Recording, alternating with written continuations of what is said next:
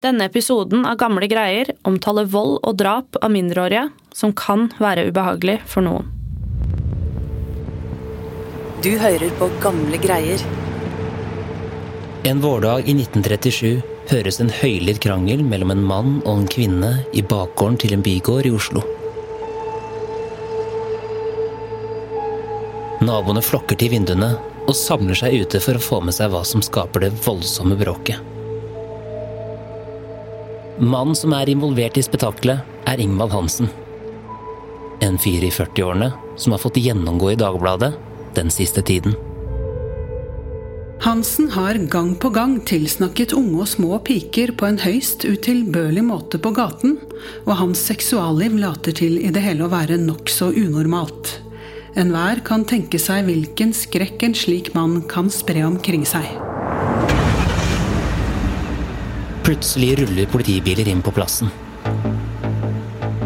Ingvald Hansen blir pågrepet og kjørt til arresten.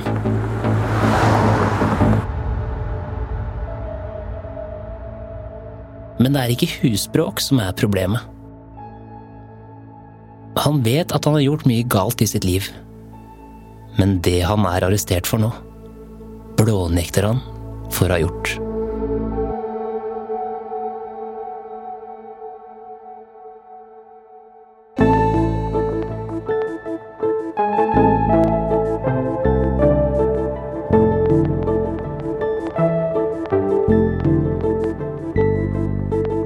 Du hører på Gamle greier, en podkast fra Nasjonalbiblioteket.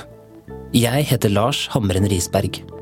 Dette er episode én av to av Hvem drepte lille Mari Olsen?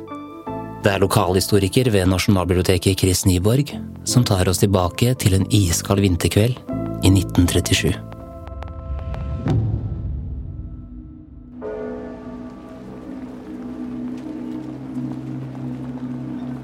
Kvelden 9. januar fikk Ingvald Hansen med seg at folk i nabolaget hans i Vika, nede ved fjorden i Oslo, var ute i gatene på leting etter en person.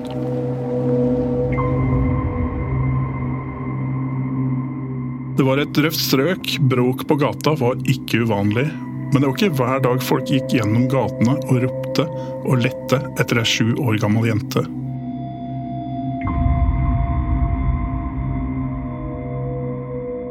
Alle i området snakka om Mari Olsen, som på formiddagen hadde gått ut for å kjøpe godteri.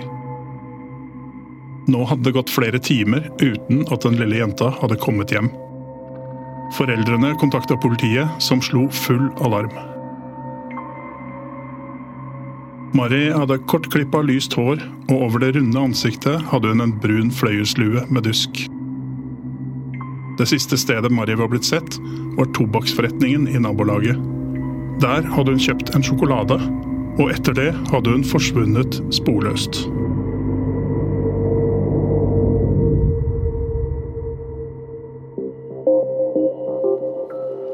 Ingvald hadde bodd i nabolaget ved Oslofjorden, der Mari var forsvunnet, en stund. I denne delen av byen var han omgitt av skitne gater og gamle, slitne og trekkfulle bygninger. De som bodde her, var stort sett langt nede på samfunnets rangstige. Ikke alle hadde mulighet til å skaffe ærlig arbeid. Ingvald var nylig separert fra kona Helga, og leide nå et værelse i dette strøket. I mange timer gikk politiet og bekymra naboer gjennom gatene i Ingvald Hansens nabolag. De saumfarte kjellere, loft og gårdsrom. Politiets patruljebåt lette også langs kaiene.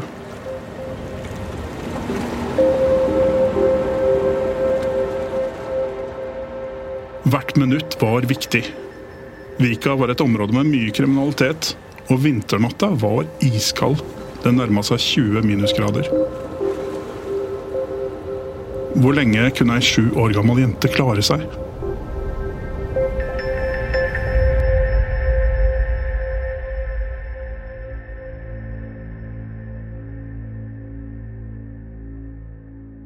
Den store leteaksjonen pågikk i mange dager.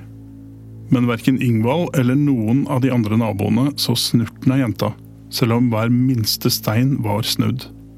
Det var både oppsiktsvekkende og skummelt at et lite barn kunne bli borte på denne måten. I avisene kunne Ingvald lese om hendelsen fra sitt eget nabolag. Morgenavisen 12.1.1937.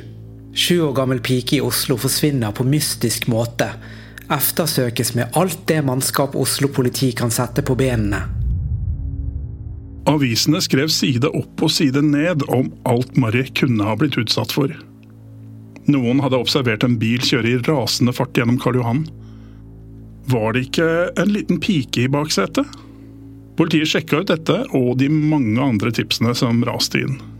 Marnar Tidend, 16.1.1937. Etter snart en ukes uavbrutt etterforskning er politiet ikke kommet et skritt videre i saken om den lille Mari Olsen, som sist lørdag forsvant fra sitt hjem i Kort Adlers gate 35, Oslo.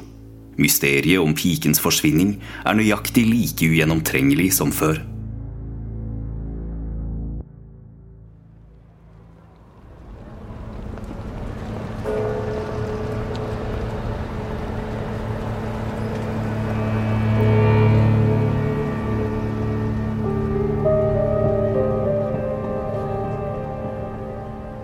Ingvald Hansen gikk rundt og hutra i byens vinterkalde gater.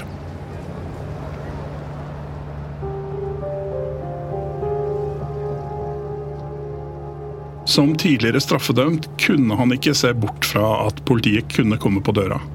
For 45-åringen hadde et langt rulleblad. Han var dømt mange ganger for tyveri og hadde sittet i over åtte år i fengsel. To ganger hadde han blitt dømt for utuktig atferd mot unge piker og sona straffen sin.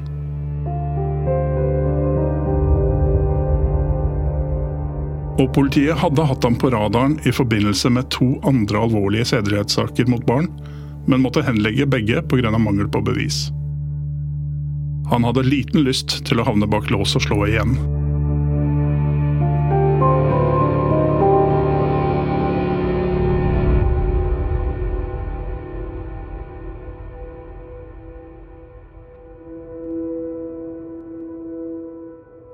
En dag banka det på Ingvalds dør. Det var politiet som skulle hente ham inn til avhør. Ingvald så på etterforskerne mens de fyrte av det ene spørsmålet etter det andre. Men fra starten av insisterte han på at han ikke hadde noe med Marys forsvinning å gjøre. Men politiet ga seg ikke, og bora og gravde videre. Et sentralt spørsmål var hva han hadde gjort 9.1, dagen Mari Olsen hadde forsvunnet.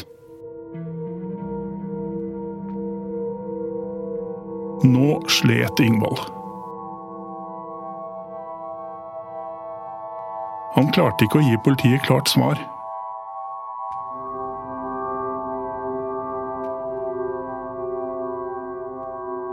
Han hevda at han ikke huska hva han hadde gjort, og kom med sprikende svar som han så at politiet noterte.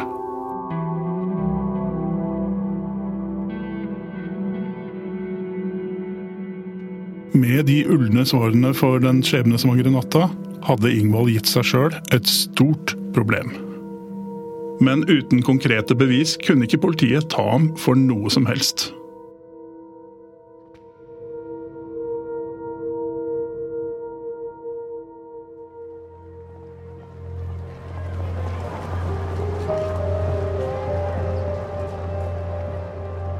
Dagene og ukene gikk, og livet gikk videre for Ingvald Hansen. For å tjene penger jobba han innimellom for ekskona. Hun hadde et slags legekontor i Vika, og Ingvalds jobb var å bære ved opp fra kjelleren og holde lokalet varmt. Han rensa også flasker og skylte urter. Ingvald hadde egen nøkkel og kunne komme og gå som han ville. Ekskona Helga Vesla Hansen var en kjent skikkelse i nabolaget. Hun hadde en lønnsom forretning som klok kone, og behandla syke mennesker. Folk strømma til og betalte villig for å bli kvitt sykdommer. Ekskona kunne nemlig kurere folk med diverse urteblandinger, og til og med magnetisme. Hun hadde også et annet talent som trakk folk. Helga Vesle Hansen var synsk.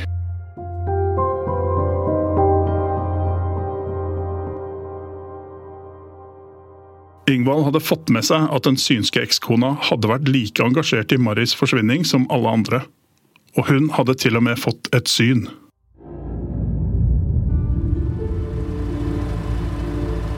Lille Mari lå i baksetet på en bil, kjørt av to unge menn. De var på vei til legevakta, men underveis oppdaga de at den lille jenta var død. De unge mennene endra kurs og kjørte nordover mot Maridalen i stedet. Der begravde de henne i snøen. Helga hadde også sett at de unge mennene hadde fått panikk da de senere leste i avisa at bilen hadde blitt observert i Maridalen.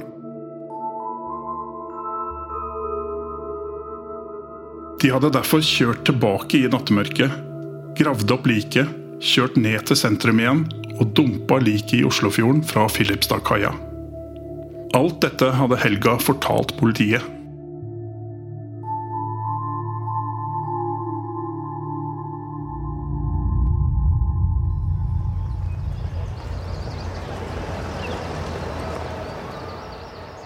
Våren kom til Oslo, og den bitende vinterkulden slapp taket.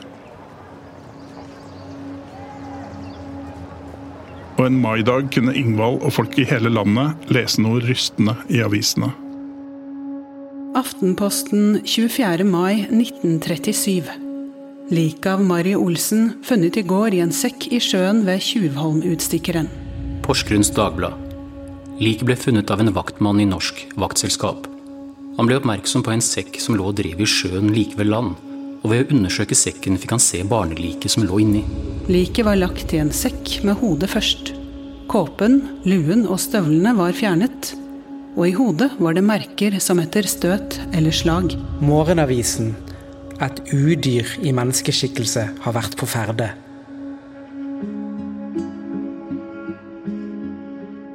Liket av Mari Olsen var altså funnet i sjøen, akkurat slik Helga hadde beskrevet for politiet. Ingvald fulgte interessert med. Dagbladet. Alle stiller de største forhåpninger til den obduksjonen som i formiddag foretas på Rikshospitalet. Han satt på en benk i parken like ved Victoria terrasse og bladde seg gjennom avisene og leste om hva som hadde skjedd med den lille piken fra nabolaget. Han kunne også lese at obduksjonen hadde vist at lille Mari Olsen ikke bare hadde blitt drept. Hun hadde også blitt voldtatt.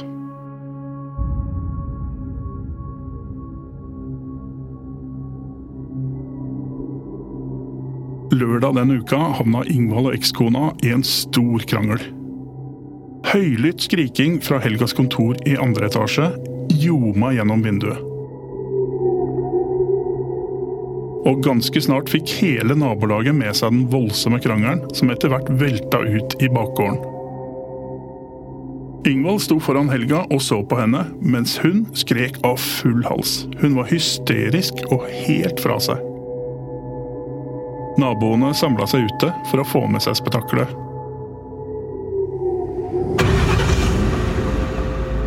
Og før Ingvald visste ordet av det, så han at det rulla svarte politibiler inn på plassen. Ut kom det konstabler som tok tak i ham. Foran sjokkerte naboer satte de Ingvald inn i en politibil. Døra slamra igjen, og like etter svingte bilen ut fra plassen med kurs mot politistasjonen. Aftenposten 29. mai 1937. Politiet har arrestert en mann mistenkt for mordet på lille Mari Olsen. Mannen til den synske kvinnen som kunne fortelle politiet hvor liket var å finne. Mordet er sannsynligvis begått på hennes kontor i bakgården til Russløkveien 44.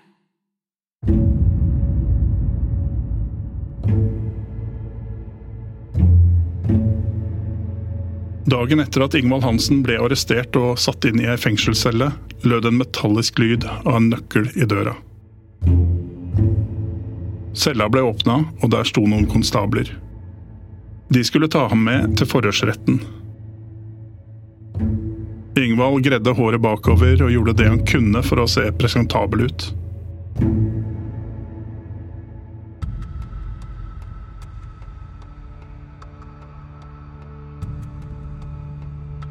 Da han var kommet inn i salen, fikk han seg en overraskelse. Der inne sto det en gjeng med journalister og fotografer.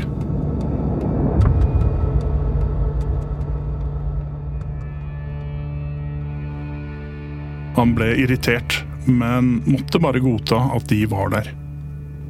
De stirra ham ned før fotografene løfta kameraene og retta dem mot ham. De sterke lysene fra blitsene lyste opp ansiktet hans igjen og igjen. For Ingvald Hansen ville livet aldri bli det samme igjen. Han visste at han var i dyp trøbbel. Da det roa seg i salen, tok dommeren ordet. Han spurte Ingvald om han hadde noe å gjøre med mordet og voldtekten på syv år gamle Mari Olsen. Ingvald så på dommeren og kasta et blikk på journalistene. Så tok han ordet, og med rolig stemme nekta han bestemt for å ha noe som helst med saken å gjøre. Han insisterte på at han var uskyldig.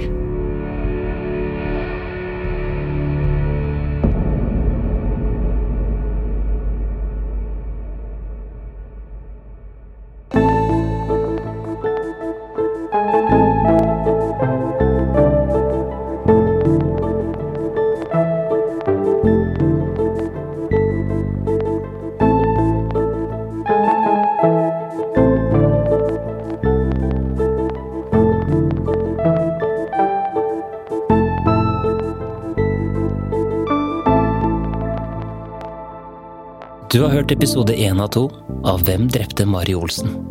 Denne episoden er laget av Dang Trind, Chris Nyborg, Ina Charlotte Fjellhøy, Live Fele Nilsen og meg, Lars Hamren Risberg. Noen av sitatene i denne historien er forkortet og modernisert. De er lest av Egil Johansen, Anne Lise Lommerud, Kristoffer Haag Maure, Preben Olram og Peder Ropstad. Kilder til episoden var avisartikler fra Nasjonalbibliotekets avisarkiv i perioden januar 1937 til februar 1938. Bøkene Mordet på lille Mari, En sann historie om klarsyn, sedelighetsforbrytere og et drap i det gamle Pipervika av Bernt Rugtvedt. Fra Vekterstuen til Møllergaten 19 av Redvald Larsen. De tause vitner, rettskjemiker Charles Bruffs memoarer av Charles Bruff. Musikken du har hørt i denne episoden er fra Epidemic Sound og Therese Aune. Du finner mer av Thereses musikk på thereseaune.com, eller der du strømmer musikk til vanlig. Mitt navn er Lars Hamren Risberg. På gjenhør.